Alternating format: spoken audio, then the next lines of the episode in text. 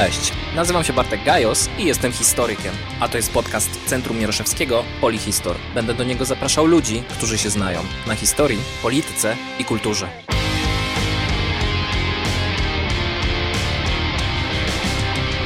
Dzisiaj zmieniamy trochę temat naszej rozmowy. Ostatnie podcasty były poświęcone sprawom międzynarodowym i bieżącej polityce, ale teraz zanurzamy się w historię. Mm, do siebie zaprosiłem historyczkę, doktorę Martę Michalską, e, która całkiem niedawno obroniła swój doktorat. Cześć. Cześć. E, doktorat był poświęcony, a w zasadzie miał tytuł Dźwięki, ludzie i nasłuchiwanie Warszawy na przełomie XIX i XX wieku. Wybrane elementy fonosfery miasta.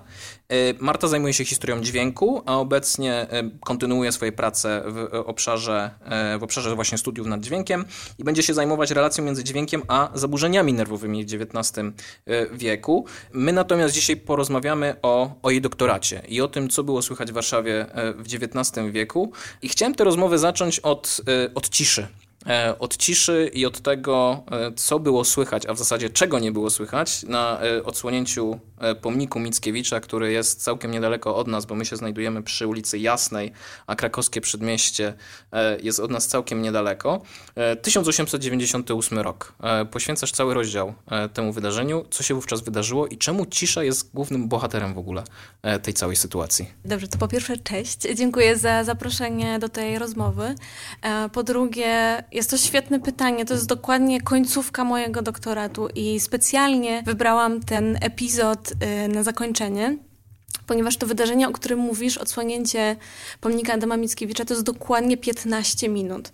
I dla mnie to jest taki case study 15 minut y, wyrwanych z historii, 15 minut ciszy, która może być bardzo takim złożonym zdarzeniem dźwiękowym, dlatego że ja generalnie przyjęłam w swoim doktoracie badanie zdarzeń dźwiękowych jako e, takich sytuacji spotkania konfliktu, które jakoś są e, z tym dźwiękiem związane i które obejmują ludzi, którzy reagują na ten dźwięk. I to, to są nasze źródła, to znaczy to, że ktoś był zdenerwowany albo zadowolony, albo że narzekał. E, no i ta cisza odsłonięcia pomnika jest bardzo takim specjalnym momentem w historii Warszawy, ale myślę, że też w historii ziem polskich końca XIX wieku, dlatego że było to e, zdarzenie bardzo polityczne. Ta cisza y, wynikała z dwóch, znaczy generalnie y, może zarysowując jakiś kontekst, chodzi tutaj o to, że y, powstała inicjatywa wystawienia pomnika Adamowi Mickiewiczowi, no i to była wielka y, impreza i wielkie takie przedsięwzięcie narodowe. Y, myślę, że to jest y, dla nas jasne. Natomiast y, komitet organizacyjny mierzył się z wieloma wyzwaniami, z których najsłynniejszy, taki znany wśród badaczy i badaczek jest to, że ostatecznie władza rosyjska zabroniła przemówień zabroniła e, wypowiadania przemówień w czasie tego. Dodajmy może to, mhm. kto miał przemawiać, bo miał przemawiać nie byle kto, miał to być Henryk Sienkiewicz. Miał przemawiać Henryk Sienkiewicz i Michał Radziwiłł, który był e, jakby szefem tego komitetu organizacyjnego. W związku z tym no, to jest e, polityczne, tak? to znaczy to mogłoby być odczytane jakoś to, jako jakaś taka manifestacja narodowa, czy jakaś taka reprezentacja narodowa, to akurat jest określenia z Błażeja Brzostka. E, I tych przemówień ostatecznie nie było, co można odczytać z perspektywy studiów nad dźwiękiem jako taką strategię uciszania, kiedy władza zabrania e, wyrażać głosem e, pewnych wartości w, w, dosłowny sposób. To znaczy, że twoje usta są zamknięte i ty nie możesz się wypowiedzieć w takiej sferze publicznej. Ale nie tylko. Głos y, z perspektywy politycznej jest bardzo mocno obecny w badaniach nad dźwiękiem i właśnie ta relacja uciszania i wypowiadania się, ale ta cisza przy odsunięciu pomnika wynika też z tego, że zamknięto ruch kołowy na krakowskim przedmieściu. To jest bardzo ciekawa e, sytuacja, dlatego że policja sama zdecydowała, że się tym zajmie. E, więc wiesz, zrobili po prostu jakąś taką robotę organizacyjną, więc... Pewnie się obawiali jakichś e, ewentualnych, nie wiem, prowokacji czy wystąpień, haseł? Być może, dlatego że spodziewano się dużego tłumu, e, więc ta cisza ze względu na to, że nagle tych dorożek e, nie ma, które są istotnym takim elementem fonosfery miasta, ale jednocześnie to, że ten tłum trochę był na to przygotowany. To znaczy, znajdziemy w prasie kilka takich e, artykułów, które pouczają mieszkańców i mieszkanki Warszawy, że w czasie tego odsłonięcia oni mają się zachowywać spokojnie, poważnie, e, godnie. Więc ta cisza jest nie tylko taką ciszą polityczną wynikającą z uciszenia, ale jest też taką ciszą solenną, która ma, ma taką funkcję komemoratywną, że ona ma uświetnić to, e, to wydarzenie. Więc to jest trochę takie połączenie e, ciszy opresyjnej z ciszą wybraną jako sposobem na okazanie szacunku. Aha, jeszcze właśnie to jest najlepsze w badaniach nad dźwiękiem, że to jest wszystko strasznie skomplikowane. Kolejny ważny element e, tej ciszy jest taki, że tego dnia było chłodno i mgliście i było dużo wody w powietrzu. I dzięki temu ta cisza pozwoliła uwydatnić dźwięki e, słyszane z większej odległości. Okej, okay, czyli warunki atmosferyczne, że tak powiem, stały po stronie władz rosyjskich. E, w jakim sensie? E, nie, chociaż paradoksalnie, przepraszam, po stronie naszej. Źle to, źle to powiedziałem. Po stronie że, tak, że tak powiem e, typowo patriotycznie. Nie, no w takim sensie, że to chyba, bo ty, bo ty na końcu stwierdzasz, że paradoksalnie e, ta cisza, która miała być taką strategią represyjną, ona uwydatniła w ogóle całe przeżycie tak. te, te, tego wydarzenia, że ona tak jak pomogła przeżyć te 15 minut, tę bardzo krótką chwilę, w takim podniosłym, podniosłym momencie, ale dodajmy jeszcze, i o tym też piszesz, że on, ta cisza nie była do końca e, e, e, ciszą w tym sensie, że przecież odegrano chyba Halkę Moniuszki, jeśli dobrze pamiętam, prawda? Tak. Z takich elementów dźwiękowych, które zostały uwzględnione w ciągu tych 15 minut, były dwa fragmenty z Halki na początek i na koniec tego przedsięwzięcia. I później tylko taki niemy znak Henryka Sienkiewicza. To jest wszystko odnotowane bardzo skrupulatnie w źródłach, dlatego że te 15 minut zostały obszernie opisane w prasie, nie tylko warszawskiej, ale to się też rozeszło e, w prasie Królestwa Polskiego. I e, modlitwy celebransów w, po łacinie, które w całości zostały przedrukowane w Kurierze Warszawskim. Trzy szpalty e, po prostu takiej modlitwy, więc można było sobie też to później odczytać. Ale to wszystko. Aha. Czyli e, te dwa utwory z Halki i te modlitwy to były tylko takie elementy dźwiękowe charakterystyczne, plus e, dobiegający z oddali e, dźwięk dzwonów, który właśnie był słyszalny dzięki tej mgle i tej ciszy wokół, oraz takie pojedyncze westchnienia, wzruszenia, które też są odnotowane w źródłach. Bardzo drobne takie zdarzenia dźwiękowe, ale moim zdaniem E, istotne e, dla zrozumienia całego tego przedsięwzięcia, więc e, no, jest to bardzo taki ciekawy case study, który można by na przykład porównać z odsłonięciem pomnika Adama Mickiewicza w Poznaniu, który też E, miał miejsce też w kompletnej ciszy, hmm, chyba 30 lat wcześniej. E, ale chciałem cię jeszcze jedną rzecz właśnie dopytać w kontekście tego pomnika, bo e, wychodzi na to, że Ścienkiewicz, w ogóle komitet organizacyjny bardzo mocno zabiegał o te przemówienia. Nie dostali pozwolenia. To naturalnie musiało rodzić frustrację i musiało rodzić obawy, jak to wszystko przebiegnie, czy to będzie godne i czy to się wszystko uda. Mm, czy post factum, po odsłonięciu tego pomnika, komitet organizacyjny był zadowolony, czy, czy raczej rozczarowany, czy zorganizowałby to inaczej, czy, czy może jakąś, nie wiem, inną, e, e, inny utwór zostałby odegrany? W ogóle są jakieś komentarze na ten temat? E, mamy takie źródło sporządzone przez sekretarza tego komitetu organizacyjnego, który już rok później sporządził taką właśnie jakieś takie podsumowanie i muszę ci powiedzieć, że on jest bardzo eufemistyczny pod tym względem, to znaczy no, tam nie dostaliśmy tylko pozwolenia. Znaczy, no, mm, bardzo jest to takie wszystko nie wprost. Bardzo jest dużo na temat e, zbiórek e, finansowych, e, na temat organizacji biletów, na temat różnych osobistości, które były tutaj uwikłane w tą organizację. Natomiast co do tych spraw, które dopiero co sobie omówiliśmy, muszę Ci powiedzieć, że jest to bardzo takie wymijające. Jeżeli chodzi o dobór, że tak powiem, ścieżki dźwiękowej, no to wydaje mi się, że Moniuszko jest, był tutaj wtedy oczywistym wyborem. Nie pamiętam dokładnie z których to jest e, aktów teraz, ale pier ten pierwszy utwór to jest taka końcowa melodia chóru. E, e, tuż przed tym, jak Halka po prostu już tam popada w szaleństwo, ale na koniec został taki polonez weselny tam odegrany bardzo taki majestatyczny, który, mm, e, tak jak mówię, e, towarzyszy scenie weselnej, ale jako taki ma bardzo taki podniosły charakter. I e, niejako niemalże w rytm tego poloneza ten tłum się rozchodził. później po mieście. Moniuszko jako bardzo taka ważna postać dla moim zdaniem świadomości takiej dźwiękowej drugiej połowy XIX wieku był po prostu jakimś takim oczywistym wyborem. Ciekawy element może być taki, że te utwory wykonała tylko orkiestra Denta, 80-osobowa. A czy y, jesteś w stanie cokolwiek powiedzieć na temat tego, jak Rosjanie post factum, po odsłonięciu pomnika, y, widzieli to całe wydarzenie? Czy z ich perspektywy y, regulowania na przykład dźwięku, o którym rozmawialiśmy, y, wszystko poszło tak, jak sobie zaplanowali? Czy jednak y, mieli poczucie tego, o czym właśnie ty piszesz, że paradoksalnie ta cisza y, bardzo pomogła w stworzeniu tej podniosłej atmosfery? Moja, moje przeczucie jest takie, że mm, może oni trochę nie mieli wyboru. To znaczy, oni, wydaje mi się, że musieli się zgodzić y, na samą, y, samo to wydarzenie, natomiast y, władza została pokazana w ten sposób, że te przemówienia zostały zablokowane. Dlatego, że no nie wiem, co by się wydarzyło w mieście, gdyby oni stwierdzili, że nie i koniec. Chociaż było tutaj różno, taki, dużo takich tarć. Na przykład cała w ogóle impreza została ogłoszona no dosłownie dwa tygodnie przed. E, tak więc miasto czekało do samego końca e, tak naprawdę na jakąś taką ostateczną e, decyzję. Ale to szczerze mówiąc nie dotarłam do zbyt wielu źródeł, które by jakiś komentarz tutaj nam dały od strony rosyjskiej.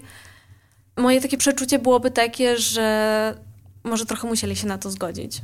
E, rozumiem. Dopytujecie dlatego, że Mickiewicz to nie jest e, postać, która e, szczególnie sympatycznie pisał o Rosji, i tak. Rosjanach i, i, i, domu panującym Romanowów. Natomiast omówiliśmy sobie te case study odsłonięcia pomnika Mickiewicza i, i chciałbym, żebyśmy się od tego odbili. I żebyś nam powiedziała trochę, jak w ogóle Rosjanie w końcu tego XIX wieku, początku XX regulowali fonosferę miasta, to znaczy co można było robić w mieście, a czego nie wolno było. E, co w tym mieście mogliśmy usłyszeć? E, nie wiem, jakie języki? E, to się naturalnie teraz nasuwa w kontekście tego, że dzisiaj w Warszawie często usłyszymy język rosyjski, tak. którego używają Ukraińcy oczywiście, w zdecydowanej większości. Więc jakbyś mogła, mogła nam powiedzieć, jak to wówczas wyglądało i czym ta w sumie Warszawa w kwestii dźwięku różniła się od tej dzisiejszej? Przede wszystkim na początku chciałam powiedzieć, że te badania, które ja zrobiłam na temat wątków polsko-rosyjskich są zupełnie wstępne w moim doktoracie, więc jeżeli ktoś poczułby się zainspirowany, żeby te badania e, przeprowadzić tak e, w, na dużą skalę, to ja zachęcam do tego gorąco, dlatego że to jest fascynujący temat bardzo skomplikowanych relacji władzy kolonialnej, powiedziałabym, między społecznością podległą, ale też niezupełnie taką ciemiężoną. To znaczy, no jakby sorry, ale ja mam wrażenie, że pod koniec XIX wieku takie życie codzienne w Warszawie się toczy. Tak, to nie jest y, tak, że miasto jest zupełnie takie skoszarowane, tak? Ludzie jeżdżą na rowerze, chodzą do kawiarni. Oczywiście jest wiele takich drobnych elementów, które przypominają warszawiakom i warszawianom, że no nie jest to e, zupełna taka swoboda polityczna. Więc taki temat relacji dźwiękowo e, narodowych e, no jest bardzo taki złożony i skomplikowany, dlatego że to nie jest tylko tak, że Rosjanie ciemiężą i Polacy są ciemiężeni. To jest zdecydowanie moim zdaniem bardziej e, złożone.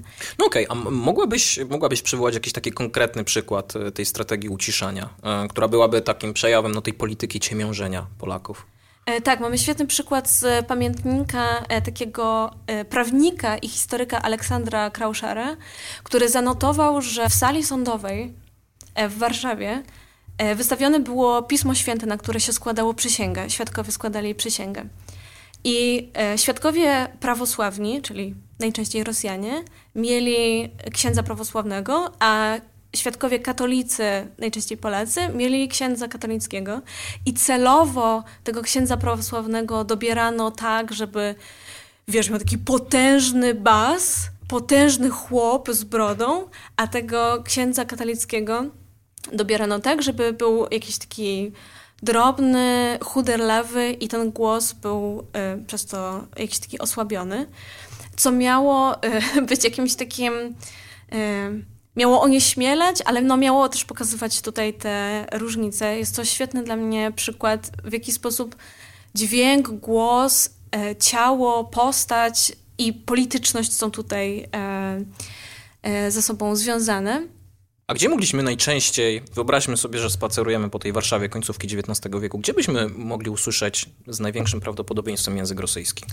E, w źródłach takim miejscem w Warszawie są oczywiście Aleje Ujazdowskie. E, nawet się mówi o takiej dzielnicy rosyjskiej, mimo że ona no, nie była jakoś tak formalnie e, tutaj wydzielona. I ewidentnie możemy odczytać, że to jest jakaś trochę, trochę taka inna Warszawa, gdzie ludzie inaczej wyglądają, inaczej się ubierają, ale też inaczej brzmią. Źródła polskojęzyczne stosują bardzo tutaj taką ciekawą strategię, właśnie trochę tak z drugiej strony to mówiąc, mhm. e, podkreślenia tego, że Rosjanie zachowują się bardzo głośno. Że mówią głośno, że zachowują się głośno i niegrzecznie. I na przykład wielką tragedią było to, kiedy mm, w Pałacu Prymasowskim, który się znajdował obok Ogrodu Saskiego, utworzono szkołę kadetów. Mhm. To jest e, nieprzypadkowe miejsce, dlatego że ogród Saski, e, przypominam, że do ogrodu Saskiego był limitowany wstęp, nie wszyscy mogli tam wejść. E, to było dość takie elitarne miejsce i trochę taka oaza takiej elitarnej ciszy w mieście i tuż obok, wiesz, stworzono tą szkołę kadetów, no i opisuje się, że tam jest ciągle jakaś burda, e, głośno się zachowują. E, w kawiarniach tak samo ci Rosjanie rozbijają się, strzelają w szyby.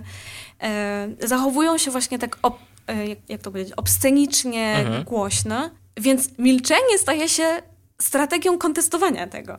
No i też chyba takim trochę elementem identyfikacji narodowej, bym powiedział, prawda? Trochę tak. To znaczy y, to, że ktoś się zachowuje głośno albo cicho, no jest też bardzo takim ciekawym tematem, bo to jest takie milczenie. Ja ci teraz pokażę, że ja się nie zachowuję tak jak ty.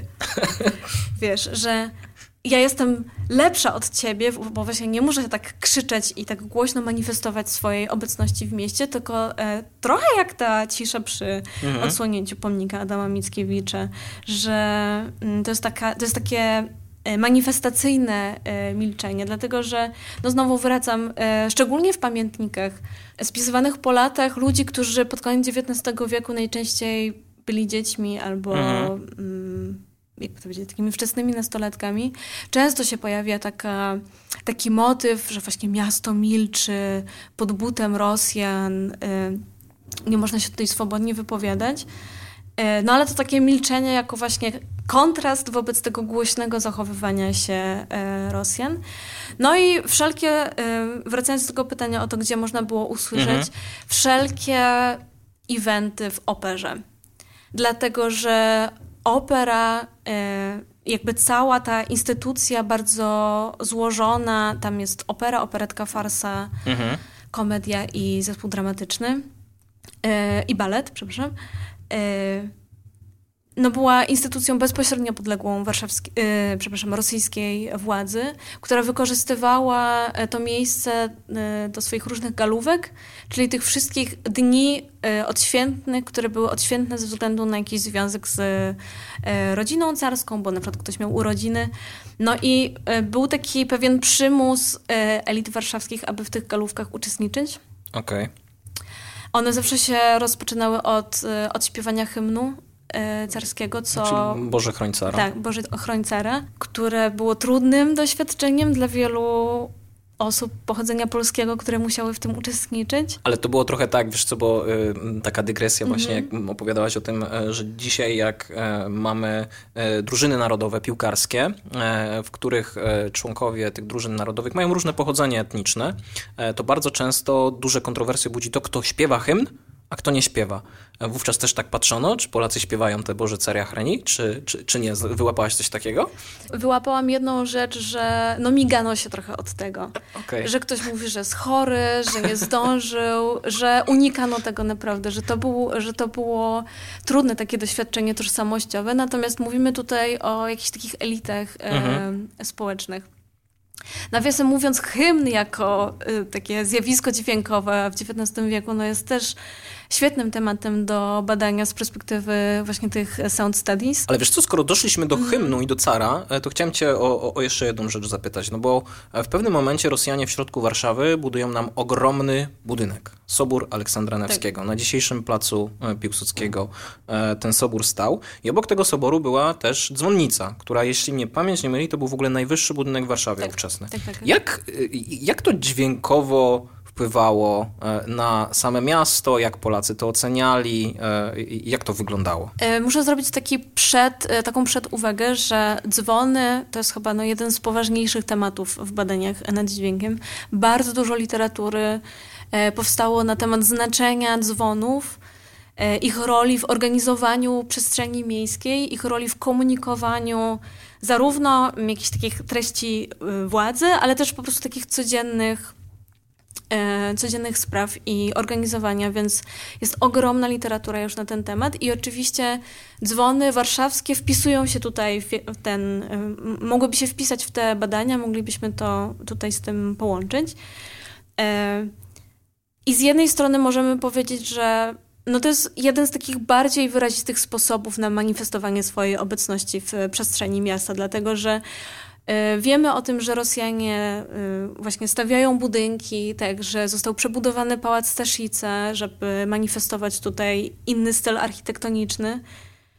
Ale jednak musisz tam być i to widzieć. Mhm. Natomiast dźwięk dzwonu rozchodzi się po mieście i on obejmuje po prostu jakby swoją kubaturą większą przestrzeń, więc y, też trochę nie możesz od tego uciec jako przechodzień E, słyszysz to i ciągle ci to przypomina o tym jakby obcym elemencie w twoim mieście.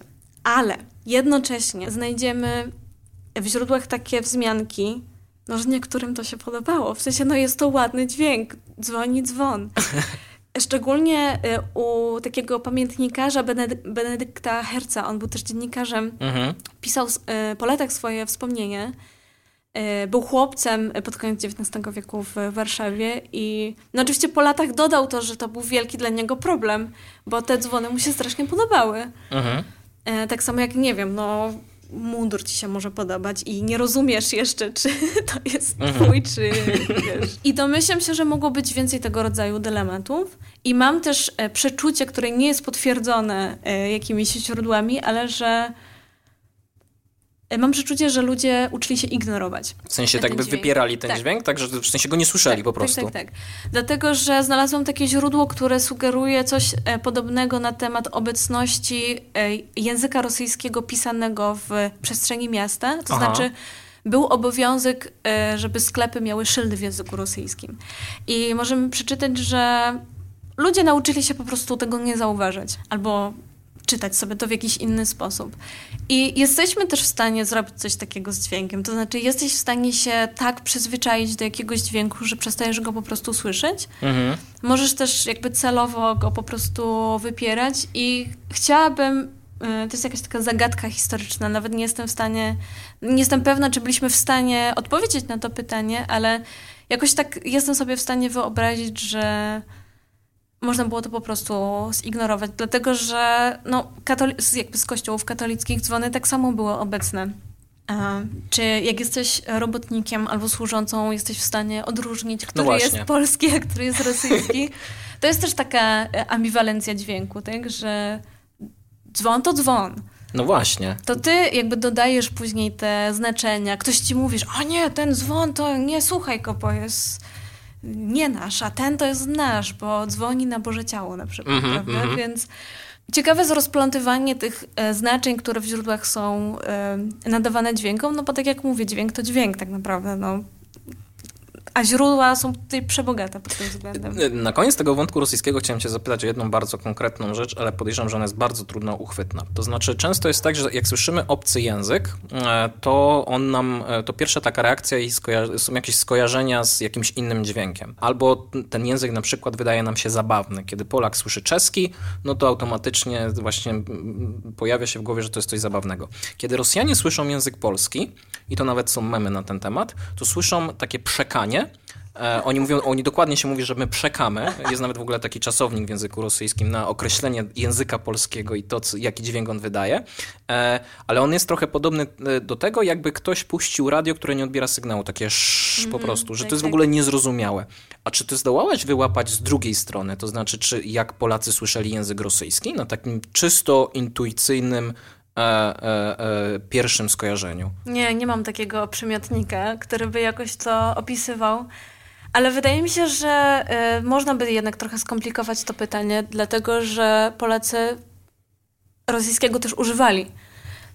Y, musieli y, ze względu na pracę, ze względu na po prostu załatwianie jakichś codziennych spraw. Więc nie, ale nie znalazłam takiego. Ciekawym takim dwujęzycznym, czy w ogóle wielojęzycznym bohaterem miasta jest stróż warszawskiej kamienicy. Mhm. Dlatego, że to jest. E, Stróż Warszawskiej Kamienicy jest ostatnim szczeblem policji w mieście. On ma funkcje policyjne, ma mundur z numerkiem i ma gwizdek, który jest takimi atrybutami e, władzy, ale jednocześnie jest jakimś migrantem ze wsi. Okay. Który jest zupełnie wrzucony w miasto i mówi w ogóle gwarą, ale z mieszkańcami kamienicy mówi po polsku, ale musi zdawać raport do najbliższego cyrkułu i tam mówi po rosyjsku. Mhm. I y, jeżeli chodzi o te językowe sprawy, to to jest na przykład dla mnie bardzo ciekawe. To znaczy taka wielojęzyczna figura stróża, który jest trochę takim e, dzielnicowym policjantem, ale jednocześnie, tak jak mówię, jest po prostu jakimś takim zwykłym człowiekiem, który migruje ze wsi i e, nie może się e, być może odnaleźć w, w takim dużym mieście i trochę tak mówi po polsku, trochę mówi po rosyjsku. Ty rozumiesz i to, i to, e, mhm. więc to jest jakaś taka e, dwujęzyczna komunikacja, e, której trochę używasz, kiedy, kiedy musisz. E, znalazłam też taką wzmiankę, która by coś może nam więcej mówiła o relacjach sąsiedzkich, a nie relacjach władzy. To znaczy, że no wiesz, w domu dziecko się czymś zadławiło, matka zaczęła krzyczeć, wybiega na korytarz, mhm. no i sąsiadka Rosjanka rozumie, wybiega i ratują dziecko razem, no nie? Okej. Okay. Więc... E, to nie jest tak, że tylko właśnie jest ta jedna strona. No wiem, i ta tak, twarda tak, granica tak, tak narodowa. Tak, Ale to jest ciekawe pytanie, to mhm. co ty mówisz o, o, tym, że nie rozróżniamy dźwięków, które nam są nieznajome. Tak, i jakoś sobie z tak. czymś kojarzymy takim bliższym, prawda? Tak samo jak, e, nie wiem, e, ludziom zlewają się głosy osób, mimo że nie ma dwóch osób o takim samym głosie, albo że zlewają nam się dźwięk jakiegoś języka, który jest nam zupełnie obcy i nie jesteśmy w stanie nic po prostu z tego, z tego wydobyć. No jest jakiś taki percepcyjny, ciekawy przykład.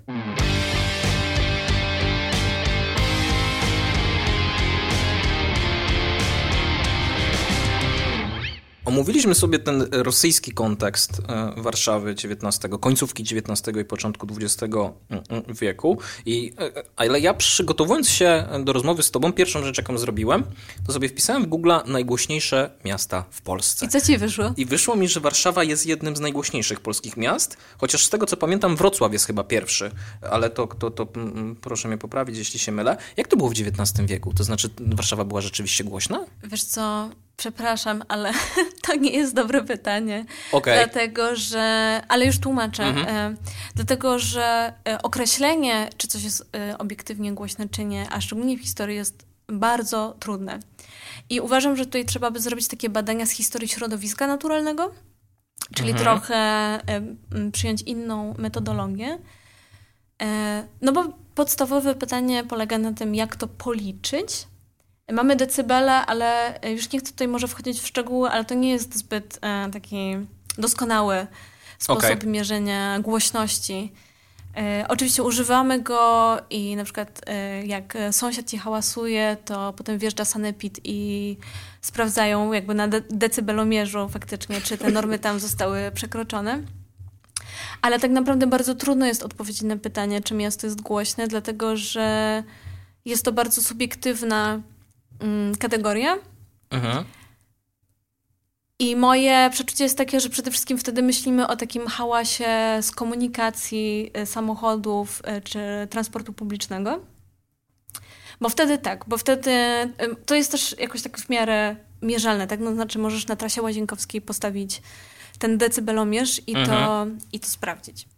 Natomiast jeżeli chodzi o końcówkę XIX wieku, to zastrzeżenie, które trzeba tutaj zrobić, polega na tym, że główna porcja narzekań na hałas, które dominuje w źródłach, pochodzi od klas średnich, od mieszczaństwa, od inteligencji, Okej. y, która po pierwsze mówi, że coś jest hałasem, a po drugie y, właśnie y, mówi to, że y, to przeszkadza.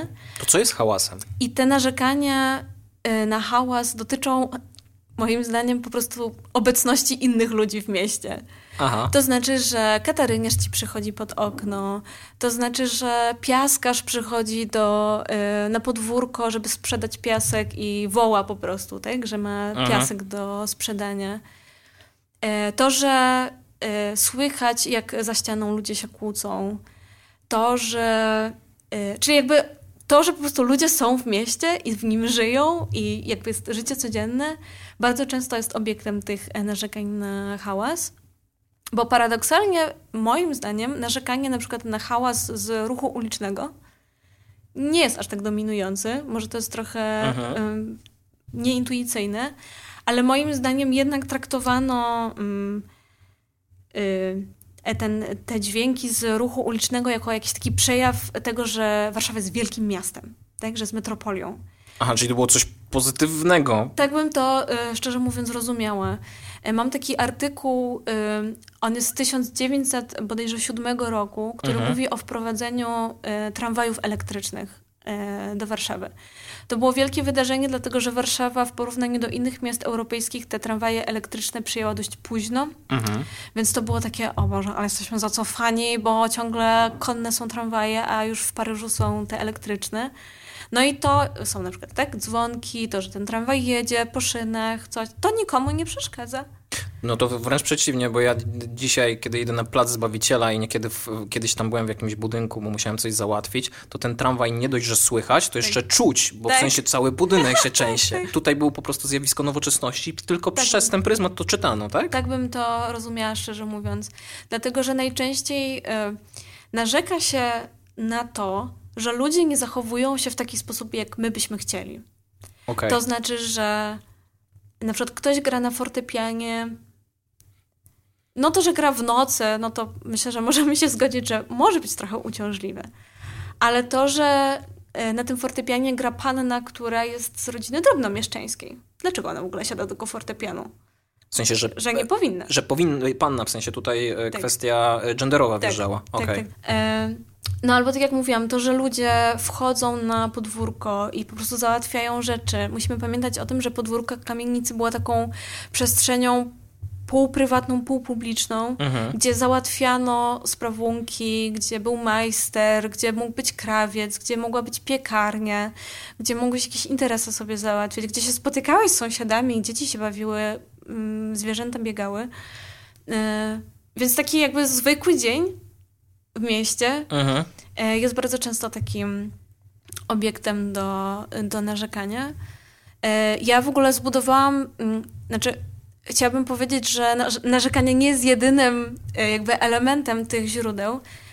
Ja zbudowałam swój doktorat na takich studiach przypadków, Aha. w których każdy, y, każdy z tych studiów przypadków ten element narzekania w sobie, w sobie ma. To znaczy narzeka się na kataryniarza, Mhm. narzeka się na to, że ktoś gra na fortepianie, e, narzeka się na to, że e, e, ludzie po prostu hałasują i coś chcą od ciebie. Narzeka się na to, że właśnie e, przychodzą ci sprzedawcy wędrowni i usługodawcy i każdy z nich ma swoje specjalne zawołanie, którym Mhm. anonsuje e, swoje usługi. E, więc e, moglibyśmy się tak zastanowić, co by się stało, gdyby te wszystkie dźwięki usunąć z miasta. Moja sugestia jest taka, że to nie byłoby miasta już wtedy, Mhm. prawda? Więc e, to jest taki trochę dylemat, który widzimy w tych źródłach końca XIX wieku. To znaczy, pewne grupy społeczne chciałyby mieć taką, wiesz, ciszę i spokój Aha. w domu na przykład, czyli jakby w kamienicy gdzieś tam przy krakowskim przedmieściu.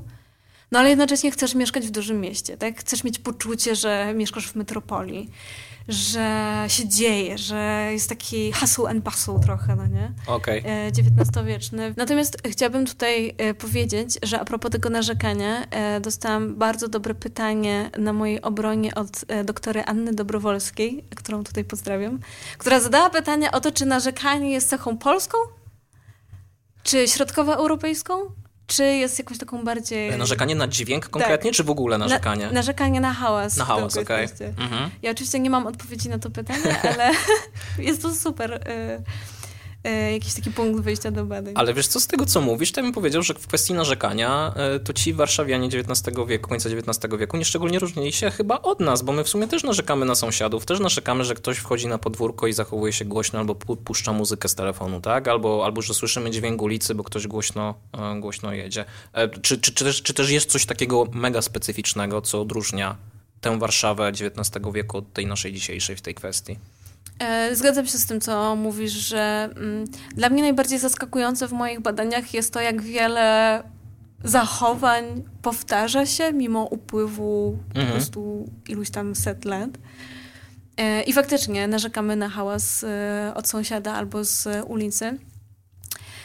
Natomiast jeżeli miałabym wskazać jakiś taki jeden charakterystyczny dźwięk, nie wiem, jest to trudne pytanie dla mnie trochę, dlatego że z jednej strony zaryzykuję twierdzenie, że no, Warszawa trochę miała taką chęć imitowania e, metropolii zachodnich. Szczególnie Paryż jest tutaj w źródłach często takim punktem odniesienia. E, no a z drugiej strony to jest jakaś taka charakterystyka tutaj lokalna, chociażby ze względu na język, czy mhm. nie wiem, jakieś takie zwyczaje życia codziennego, ale nie wiem, jest to dla mnie trudne pytanie, żeby wskazać jakiś taki jeden dźwięk, nie przychodzi mi nic do głowy. Ale wiesz co, mhm. przygotowując się do rozmowy z tobą e, e, i czytając e, fragmenty o kataryniarzu, ja się zacząłem zastanawiać, czy mógłbym sobie w głowie poszeregować miasta wedle dźwięków, które, z którymi, które, które te miasta mi przywodzą na myśl. No i tak pomyślałem sobie o Moskwie i Moskwa dla mnie jednoznacznie dzisiaj kojarzy się z dźwiękiem metra, które jest bardzo głośne. Mm, jest, jest szalenie głośne i to są te wagony, którymi jeszcze do niedawna jeździliśmy warszawskim metrem, mm -hmm. bo, mhm. bo, bo warszawskie metro korzystało z tych wagonów. E, Nowym Jorkiem też chyba metro bym wziął na taki pierwszy rzut oka, no i może jeszcze dźwięk... Pierwszy rzut ucha. U, rzut ucha, przepraszam, tak, właśnie, świetnie, dzięki za, dzięki za poprawę, ale, y, ale, ale, ewentualnie wziąłbym jeszcze odgłosy Central Parku, e, e, bo to jest jakoś tak mega, mega charakterystyczne. Natomiast ty piszesz, piszesz o kataryniarzu, który też stał się taką symbol, takim symbolem Warszawy. E, przepraszam, jeszcze Kraków przecież, to jest hejnał, więc to też tak jednoznacznie skojarzenie dźwięk miasto mi się tutaj pojawia. Piszesz o tym kataryniarzu. Kto to w ogóle jest, co to jest za zjawisko i dlaczego ludzie narzekają na kataryniarza. Jeszcze zanim do tego przejdę, to w sumie teraz pomyślałam, że warszawska dorożka e, może mogłaby tutaj posłużyć jako jakiś taki e, dźwięk charakterystyczny, dlatego że sporo się jej e, czasu poświęca w źródłach. Mamy całą hierarchię dorożek, od bardzo rozklakotanych po bardzo szykowne i całą taką dyskusję na temat bruku. To było dla mnie bardzo ciekawe, że ja nagle zaczęłam czytać o jakby sposobach brukowania ulic, co się okazało bardzo istotne dla kontrolowania trochę tej fonosfery, więc Aha. i jakby warszawski dorożkarz jako osoba też o swojej fonosferze. Ale faktycznie kataryniarz e, warszawski dużo miejsca zajmuje w moich badaniach. Chociaż od razu chciałabym powiedzieć, że no dla mnie jest to raczej takie mm, zjawisko europejskie. Szczególnie, szczególnie w XIX wieku. Myślę, że w każdym większym mieście e, takich kataryniarzy byśmy mogli spotkać. Oni być może różniliby się między sobą. Na przykład w Londynie XIX wieku charakterystyczne było to, że kataryniarzami byli głównie Włosi, co było bardzo tak politycznie widziane, że to jest inwazja na Imperium Brytyjskie. E, bo oni oczywiście też byli najczęściej z klas ludowych, tak, byli, byli biedni, więc tutaj była cała taka konstrukcja takiego złego, e, złego kataryniarza. E, natomiast wracając do tego warszawskiego kataryniarza, moim zdaniem to była bardzo różnorodna grupa. Źródła chciałyby czasami, znaczy niektórzy autorzy źródeł chcieliby nas przekonać, że kataryniarz jest może trochę takim żebrakiem, mhm. który nie dość, że hałasuje okropną, mechaniczną, jazgotliwą, nawet nie można tego nazwać muzyką, tylko jakąś po prostu dentystyczną torturą, wyciąga od nas te pieniądze za jakąś taką pseudopracę, którą on y, wykonuje. Mhm. Y, ale to jest jakby niepełny obraz. To znaczy, było wielu kataryniarzy chodzących po mieście w szykownych strojach. E, taki cytat ze źródła o, e, wiesz, rembrandtowskich kapeluszach, którzy e, wzbudzali podziw, którzy byli jakimś takim oczekiwanym gościem, w, najczęściej właśnie w podwórku znowu takiej, takiej kamienicy. Więc mamy tutaj całe spektrum osób, od faktycznie półżebraków, czy na przykład weteranów, bardzo często osoby kalekie, czy z jakąś taką niepełnosprawnością ruchową stawały się kataryniarzami jako jakiś po prostu sposób na zarobek. No ale jednocześnie masz tutaj bardzo takich szykownych, to są zawsze mężczyźni. Mhm. I najczęściej są to tacy mężczyźni, powiedzmy w średnim wieku, co wywołało taką dyskusję e, o lenistwie i nieróbstwie, tak? To znaczy, że to jest facet, który mógłby pójść do prawdziwej pracy, ale... Czyli to nie była praca, w tak. sensie z, z, perspektywy osób tak, obserwujących. Tak, z perspektywy mhm. osób obserwujących i właśnie narzekających to, to nie była praca, ale no jednak była, tak? To znaczy ten kataryniarz jednak coś robi. A możesz nam powiedzieć, tak. co ten kataryniarz grał? E, ten kataryniarz najczęściej grał ostatnie hity z opery. To znaczy, e, ja nawet e, zrobiłam taką playlistę na Spotify'u i jak ktoś chce, to mogę ją wysłać, e, udostępnić. Bo to po prostu były takie najświeższe rzeczy, które akurat były grane w operze. Ja mam kontrowersyjną tezę, że opera była czysto jakby taką rozrywką popularną w drugiej połowie XIX wieku. To był jakiś taki wspólny kod też trochę. Ludzie wiedzieli, znali te opery. No właśnie. Opery i operetki. Ale skąd tak oni to wiedzieli? No bo przecież do opery to tak prosto z ulicy byle kto nie mógł wejść, prawda? E, no mógł, nie mógł. E, można było złapać jakiś tani bilet. E, mhm. Bardzo obszernie to wszystko było analizowane w prasie, repertuary, wiesz, libretto. Okay. Mam wrażenie, że to była jednak trochę taka wiedza ogólna. No i właśnie ten kataryniarz, który te melodie ci też przynosi i ty się jakby uczysz trochę, że tak powiem, z ulicy okay. na temat tego repertuaru. Znalazłam kilka takich wzmianek o tym, że warszawski kataryniarz zagrał jakąś melodię, która dopiero później miała premierę w teatrze. W sensie, wiesz, że on jakby wcześniej... Wyprzedzająco. Tak, że wyprzedzająco. Wiesz, te nuty jakoś tam krążą. Aha. E, to... Mm, trudno tutaj powiedzieć o jakimś takim biznesie, y, ale były osoby, które na przykład miały, wiesz, jakby dawały w leasing katarynkę, okay. były w stanie to jakoś sobie tutaj zorganizować, więc jeżeli chodzi o takie jakby socjodemograficzne zaplecze, no to była Aha. to bardzo różnorodna y, grupa osób, też różnorodna pod względem narodowym, dlatego że wspomniałam o tych y, typowo włoskich kataryniarzach w Londynie, ale u nas mieliśmy i kataryniarzy włoskich, i polskich, i żydowskich, i niemieckich. Mhm. Więc oni też wszyscy mają tą swoją taką fonosferę z języka e, rodzinnego, rodzimego, która mhm. tutaj, o której nie można tutaj zapominać. I y, ambiwalencja kataryniarza polega na tym, że właśnie on z jednej strony jest takim oczekiwanym gościem. Wyobrażam to sobie trochę jako taką przerwę w codziennym dniu, kiedy ty się możesz oderwać i sobie po prostu usiąść i takiej muzyki posłuchać. Często się mówi w źródłach o tym, że to jest po prostu jakaś edukacja muzyczna, dla miasta w tym okresie. No właśnie, o tą edukację muzyczną chciałem cię zapytać. E, e, czy ty na swoje ucho, bo ty przecież znasz się świetnie na, na, na, muzyce, czy osoby wówczas wyedukowane muzycznie, kiedy słuchały tego kataryniarza, to ich mogły boleć rzeczywiście uszy? Czy też ten dźwięk był czysty? Takie pytanie laika, ja się kompletnie na tym nie znam. Narzeka się faktycznie na to, że czasami katarynka jest po prostu rozstrojona. Mhm. I myślę, że nawet nie musisz znać danej melodii, to wynika jakby z konstrukcji e, kompozycji muzycznej, że no jesteś w stanie po prostu wyczuć, że tam coś nie stroi. Mhm. Ale też problemem był sam fakt tego, że to jest właśnie ta muzyka mechaniczna. To jest jakiś taki problem, który ja tylko e, tak pobieżnie dotknęłam, ale to jest trochę taki wręcz filozoficzny problem tego, że muzyka jest wytwarzana przez maszynę. Tak naprawdę. Czyli, jest... dziś, czyli ówcześni słuchacze nie byliby zadowoleni słuchania muzyki ze Spotify'a dzisiaj?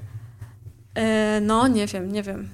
E, ale też taka mechaniczna w tym sensie, że nie masz instrumentu jakby analogowego, Aha. tak? Tylko właśnie taki instrument sztuczny, mechaniczny, który e, był, wywoływał, wywoływał jakiś taki dysonans poznawczy po prostu w niektórych słuchających.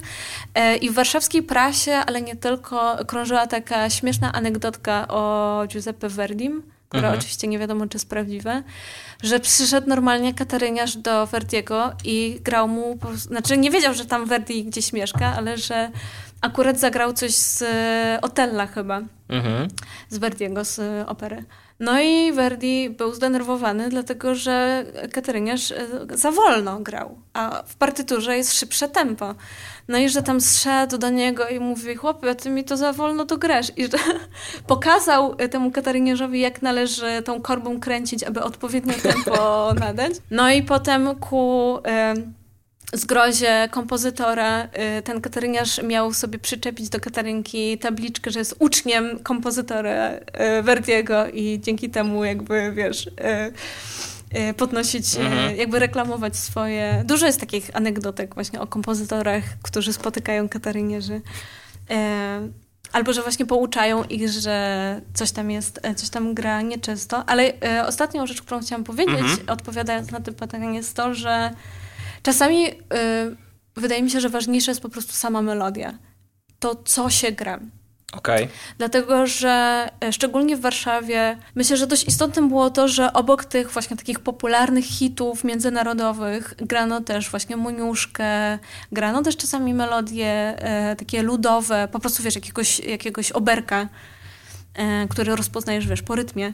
E, albo wręcz e, jakąś melodię, no nieomal religijną. I tutaj już jakby znowu ten dźwięk jakby sam, sam w sobie nie ma znaczenia. Ważna jest treść, jaką on w sobie niesie. To, że on uruchamia w tobie skojarzenie z taką melodią, a nie inną. To, że on y, wywołuje w tobie jakieś emocje y, pozytywne. No bo tak jak mówię, to mogą być takie emocje, tak, że to są jakieś melodie o miłości albo o rozstaniu. Y, albo też mogą trochę nieść taki komponent e, patriotyczny w sobie, jak najbardziej. Więc... No właśnie to chciałem cię mhm. zapytać, czy były jakieś melodie, których nie wolno było grać, albo e, wchodziła autocenzura, to znaczy kataryniarze wiedzieli, że jak to zagrają, no to finito, koniec ich biznesu. nie, trudno powiedzieć, czy kataryniarze mieliby taką świadomość, dlatego mhm. że nie ma ani jednego źródła, które pochodzi bezpośrednio od kataryniarzy. Wszystkie źródła, i to jest w ogóle problem z badaniem jakby fonosfery ludowej w mieście, okay bardzo niewiele źródeł, które pochodzą bezpośrednio od tych e, ludzi i one są wszystkie zapośredniczone właśnie przez te bardzo często narzekania w prasie. E, odnalazłam jeden taki wątek, który jakoś odpowie może na to pytanie, to znaczy problem z melodią e, Boże coś Polskę versus Serdeczna Matko, czyli to taka maryjna wersja. Dlatego, że i to są w ogóle doniesienia, które przychodzą do nas z prasy poznańskiej. Mhm. Dlatego, że wydaje mi się, że tutaj cenzura warszawska odgrywała dużą rolę. O tym, że jakiś kataryniarz grał sobie tą melodię Boże coś Polskę, no i wiesz, ktoś go tam po prostu przy łapał jakiś e, dzielnicowy policjant, że to jest właśnie melodia patriotyczna. Co ona może tutaj wywołać? Podburzanie ludzi. No i mamy taki w ogóle case e, z Poznania, e, że kataryniarz został oskarżony o granie melodii patriotycznej i tenże kataryniarz poszedł do jakiegoś lokalnego kompozytora po ekspertyzę. Tam była w ogóle sprawa w sądzie o to. I tenże kompozytor, y, który też był organistą y, gdzieś tam w kościele, jakby jako autorytet muzyczny stwierdził, że ta melodia grana przez kateryniarza jest też starożytną melodią kościelną, religijną, jako taka nie ma nic politycznego w sobie, więc nie można jakby ukarać, y, tam była groźba kary grzywny. Raczej okay. nie jakiegoś tam aresztu, ale raczej grzywny że nie ma tutaj za co karać tego kateryniarza, no bo to nie jest polityczna przecież melodia, która mogłaby podburzać lud polski do jakichś antyrządowych e, wystąpień, ale I ostatecznie jakoś to się, wiesz, ten jakoś się tam... Ale to wiesz co, paradoksalne, bo od razu sobie tak. pomyślałem, że linia obrony będzie taka, że przecież pierwotnie Boże Coś Polskie zostało napisane na cześć cara Aleksandra I tak. przez Alejzego Felińskiego. Dokładnie, więc to są właśnie te wszystkie warstwy i że hymn, tak? I wrac- no tak. jakby wracamy do tego wątku z hymnem.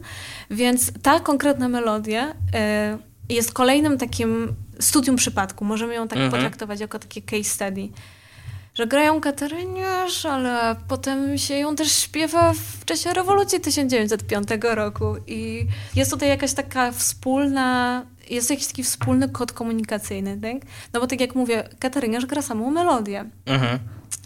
Ale ty znasz tę melodię, wiesz jakie słowa jej towarzyszą i to automatycznie wywołuje e, rozmaite skojarzenia tutaj, więc e, bardzo jest taką skomplikowaną postacią ten Kataryniarz. Mhm.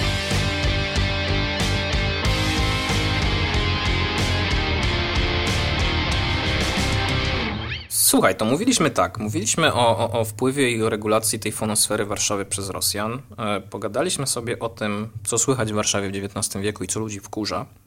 E, no i ostatnią rzeczą, o którą chciałem cię zapytać, którą byłem najbardziej zafascynowany, tak szczerze powiedziawszy, to znaczy jak to się bada, to znaczy jak ty jako historyczka jesteś w stanie dzisiaj ze źródeł e, wyciągnąć e, to, co było słyszane w Warszawie. I no, pierwsze automatycznie skojarzenie jest takie, że przecież już dźwięk wówczas zapisywano, jak rozumiem, ale ty, proszę popraw mnie, jeśli się mylę, swój doktorat napisałeś przede wszystkim na tekstach pisanych, a nie E, a nie nagraniach e, dźwiękowych. Więc z jakimi wyzwaniami ty się spotykasz? E, co było najtrudniejsze? E, tak, to prawda, że cały mój doktorat jest napisany na źródłach pisanych, głównie prasowych, E, pamiętnikach, wspomnieniach i jakby wszelkich takich źródłach, które mówią nam coś o życiu codziennym, bo to jest to, co mnie najbardziej interesuje. Plus e, ku mojemu zaskoczeniu bardzo duży materiał ilustracyjny. Ja nie spodziewałam się, że aż tak dużo tych ilustracji się tutaj znajdzie, które mm, uruchamiają trochę naszą wyobraźnię. To znaczy one po to mi są e, potrzebne, żeby mhm trochę, nie tylko wiesz, jako ozdoba do tekstu, ale żeby też się faktycznie przyjrzeć takiej ilustracji, to może być... E, no właśnie, możesz podać przykłady tak. ilustracji? E, to może być na przykład, e, to może być pocztówka, to może być szkic z gazety, wiesz, taki sztych, to może być taka fotografia pocztówkowa, to może być też, wiesz, obraz po prostu. Mhm. Na przykład moja ulubiona pocztówka, to jest taka pocztówka nocna spod Kościoła Świętego Krzyża na krakowskim Przedmieściu. E, która jest właśnie taka cała e, czarno-zielona mhm. E, i widać światełka z dorożek. Widać, że w nocy ulica jest zapełniona dorożkami. I ja miałam trochę taki wątek właśnie o nocnych dźwiękach i o tym, że miasto nie do końca zamiera i wiesz, widzisz te dorożki, wyobraź sobie, ludzie wracają z balu, tak? Albo gdzieś jadą, albo odwiedzają się nawzajem i e, to jest taka ilustracja, która fajnie tutaj gra z takim, mhm. E, z takim źródłem pisanym. Natomiast z tymi właśnie źródłami pisanymi, jak to jest? To znaczy, jak ty sobie wyciągasz z tekstu, że tutaj coś słychać? Chcę pokazać jedno źródło. No będzie trudno pokazać. E, przeczytać. E, przede wszystkim e, chciałabym powiedzieć, że byłam zaskoczona tym, jak e, wiele tych informacji o dźwiękach można znaleźć. To Aha. znaczy, ja po prostu wcześniej nie zwracałam na to uwagi. I to jest y, wielka zmiana taka badawcza, dla mnie przynajmniej, mhm. że ty po prostu nagle zaczynasz y, wyłapywać, nawet, nawet, nie wyłapywać, bo to są czasami całe szpalty tekstu w gazecie, które jakieś te wątki, y, jakieś te wątki y, dźwiękowe ukazują. Mhm. I najbardziej taki radykalny przykład, który chciałabym zaprezentować, to jest taki felieton o tym, że ktoś wyjechał na wieś i e, do, mm, doświadczył bardzo takiej dużej różnicy między tą ciszą wiejską a hałasem miejskim, jakby na niekorzyść ciszy. To znaczy konkluzja okay. tego tekstu jest taka, że ja jestem mieszczuch, ja muszę być tutaj w tym hałasie i proszę mnie na tą wieś nigdy nie zabierać. No i wiesz, tekst idzie tak. Turkot dorożki był jeszcze niczym w porównaniu z innymi turkotami, hałasami, trąbieniami, dzwonieniami i nawoływaniami z każdej strony oddzielnie i ze wszystkich stron razem. Wielkie miasto nurzało się literalnie w odmętach łoskotu i dźwięków chaotycznych. Tramwaje dzwoniły, pogotowie z trąbizubką zaimprowizowało duet, woźnice nawoływali lub przeklinali.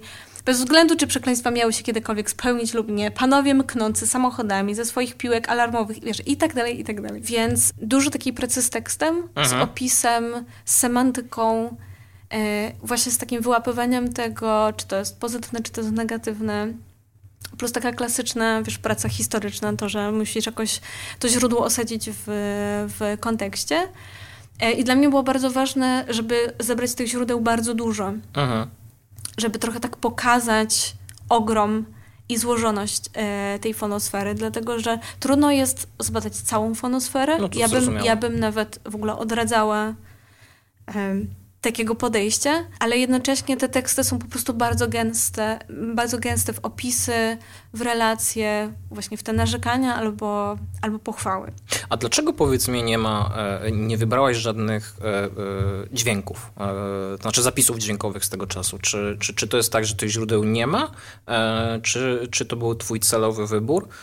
No właśnie, my w ogóle jesteśmy w stanie usłyszeć Warszawę XIX wieku?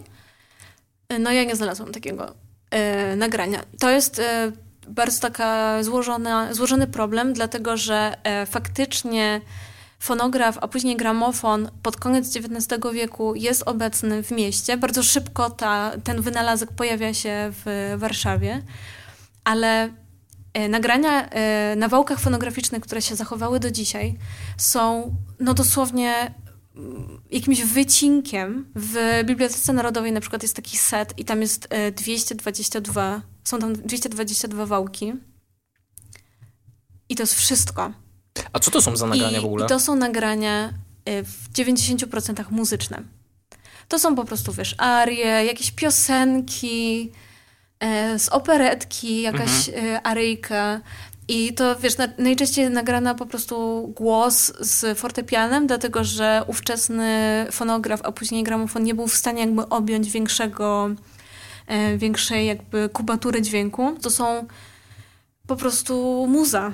Czyli, muza z epoki. Czyli miasta nie usłyszymy. Nikt nie chodził, przynajmniej ja nie mam takiego źródła, mhm. żeby ktoś chodził po prostu z fonografem e, po mieście i to, e, i to nagrywał.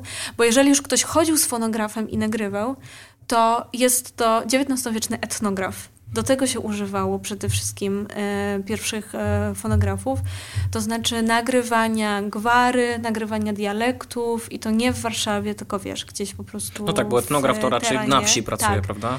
W terenie. I tutaj z kolei, na przykład w Instytucie Sztuki Polskiej Akademii Nauk są takie zbiory. E, one są, no troszkę późniejsze, raczej bym powiedziała z początku XX wieku. No ale one są, jakby służą nam do wiesz, badania tych różnych takich lingwistycznych e, detali dotyczących gwary e, albo śpiewów ludowych.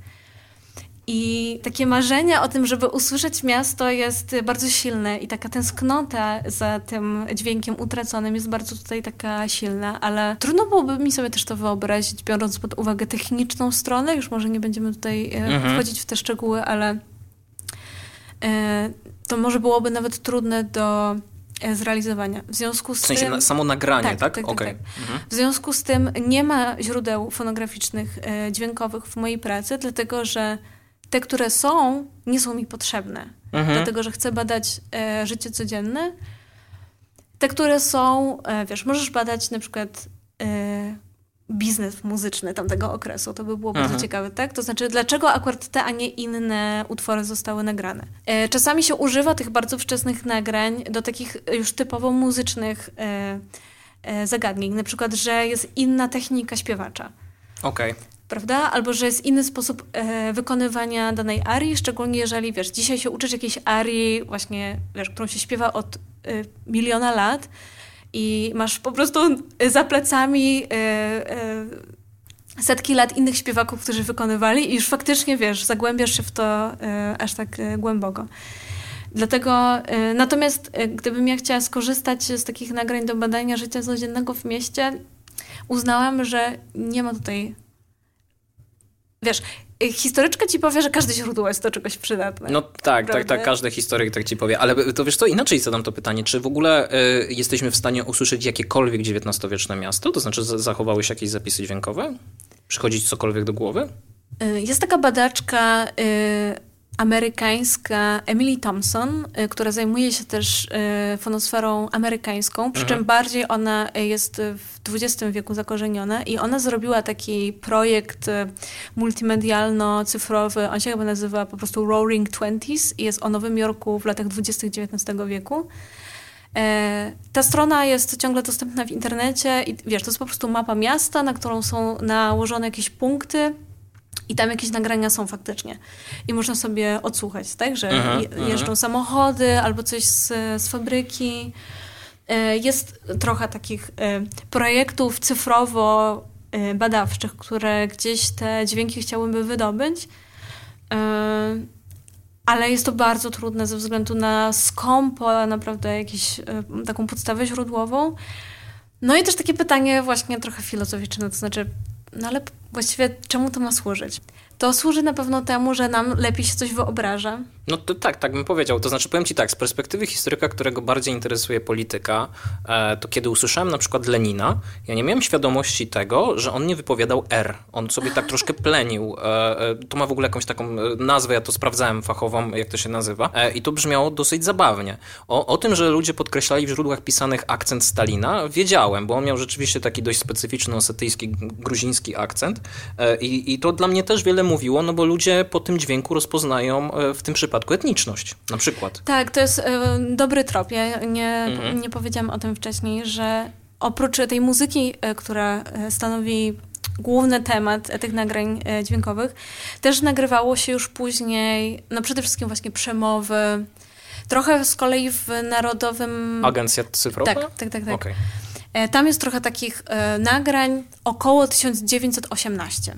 Okej. Tam jest Piłsudski i różne jakieś takie e, przemowy, e, Berg też. Mhm. E, Więc z takiej perspektywy na przykład historii polityczności, jak najbardziej. Połączyłabym to trochę ze studiami retorycznymi, No, o tym, tak. w jaki sposób się w ogóle jakby używa głosu jako nośnika takiego przemówienia, czy w ogóle przemówienie jako takie zjawisko dźwiękowe. Dlatego, że to jest e, pytanie o to, gdzie przykładasz mikrofon. Aha. Wiesz, ktoś, ktoś e, na przykład w latach, w pierwszej dekadzie XX wieku albo w drugiej e, dekadzie XX wieku uzyskał takie narzędzie do reprodukcji dźwięku, do nagrywania i ty teraz podejmujesz jakby arbitralną decyzję, gdzie ten e, przysłowiowy mikrofon, e, czy tą tubę gramofonową przy, przyłożyć. No i jest tutaj wyraźny taki skręt, że jak już się nagrywa ludzi, to są jakieś wybitne postaci, wybitne przemowy, co znowu e, akurat do mojego tematu jest nie do końca przystające, dlatego że badam życie codzienne, a nie właśnie wybitne postaci e, z historii takiej politycznej. Co oczywiście e, nie znaczy, że te źródła są w ogóle jakoś wykorzystane. To znaczy, ja nie znam takiego badania polskiego, które by jakoś szerzej do tego sięgało, więc tutaj jest bardzo dużo opcji, bardzo dużo pomysłów, bardzo dużo takich sugestii na kolejne nowe badania, dlatego że te źródła są trochę rozproszone, no ale nie ma tutaj przygody, nie ma zabawy, prawda? Więc Słuchaj, na koniec chciałem cię Tak. zapytać, y, jest jakiś dźwięk e, z, tego, z tej Warszawy XIX-wiecznej czy XX-wiecznej, który bardzo byś chciała usłyszeć? tak, bardzo bym chciała usłyszeć służącą, która śpiewa piosenkę wieczorem po pracy. A dlaczego? E, Bo to otwiera dla mnie taki istotny temat, e, to znaczy właśnie obecności tej służącej w domu państwa, która e, musiała stłumić swoją fonosferę i nauczyć się zupełnie nowej. To znaczy ona musiała się nauczyć mówić inaczej, zachowywać inaczej. Musiała się nauczyć podawać talerze tak, żeby nie brzęknąć. Musiała być pod reżimem dzwonka, więc fonosfera służąca jest bardzo tutaj złożona. A ona jest jednocześnie, wiesz, jakąś taką dziewczyną ze wsi, która e, w tym mieście pracuje i e, znalazłam parę takich doniesień o tym, że właśnie już tak wieczorem po pracy te służące się tam gdzieś zbierają w sieni, żeby porozmawiać i wiesz, czasami można było usłyszeć taką e, tęskną melodię. Trochę sentymentalizuję może tutaj teraz. E, chciałabym usłyszeć e, taki dźwięk, który jest właśnie bliższy tym klasom ludowym, bo tego nam bardzo tutaj brakuje. I może drugi, Mhm. e, podam Ci przykład, dlatego że w tym roku będę pisała artykuł o takim czymś, co nazywało się Trąbi Zupka. I e, to była w Warszawie taka kuchnia polowa, Aha. która e, funkcjonowała dosłownie 2-3 lata, która sprzedawała tanią zupę i miała taki charakterystyczny sygnał tej trąbki. Okej. E, I będę pisała o tym artykuł w tym roku. Znalazłam dwie, takie, dwie takie e, jakby to powiedzieć, takie sonaty e, na fortepian, które ktoś napisał na cześć warszawskiej trąbi zupki, ale chciałabym usłyszeć, wiesz, tą trąbkę po prostu, Wiem. która przyjeżdża gdzieś tam na Powiśle i wiesz, woła ktoś, że zupa, zupa, zupa. E, I wiesz, możesz sobie taką grochówę potem kupić, więc myślę, że to jest oczywiście, wiesz, super taki poważny temat tutaj dotyczący obecności klas ludowych w mieście, no ale jednocześnie Mhm. e, brzmi to bardzo tak, e, jakby to powiedzieć, swojsko i przyjemnie. Chciałabym to bardzo usłyszeć. Słuchaj, bardzo Ci dziękuję za tę rozmowę. Ja też dziękuję bardzo. E, gościłem dzisiaj doktorę Ma- e, Martę Michalską, historyczkę, która całkiem niedawno obroniła doktorat e, poświęcony temu, co słychać w Warszawie. E, Skrócę to trochę. W końcu XIX, początku XX wieku. E, Rozmawialiśmy o, o tym, jak Rosjanie regulują fonosferę, o tym, co było słychać, a czego w zasadzie nie było słychać w trakcie odsłonięcia pomnika Mickiewicza. I ja już zapraszam do kolejnych odcinków. Dzięki jeszcze raz. Dziękuję bardzo.